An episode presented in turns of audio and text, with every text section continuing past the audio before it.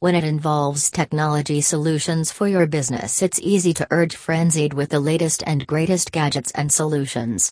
Everyone wants to own the most recent shiny thing, said Sonia Randhawa, a technology executive. In larger organizations, managing technology can become burdensome because of competing and duplicative technology requests. Left unfettered, the corporate technology platform can resemble a spaghetti bowl over time. Often is that the case, new technology requests are submitted with no business case to support their investment. Form a technology committee, this can be the beginning of your technology approval process. Create a technology committee that represents various personnel from cross functional departments.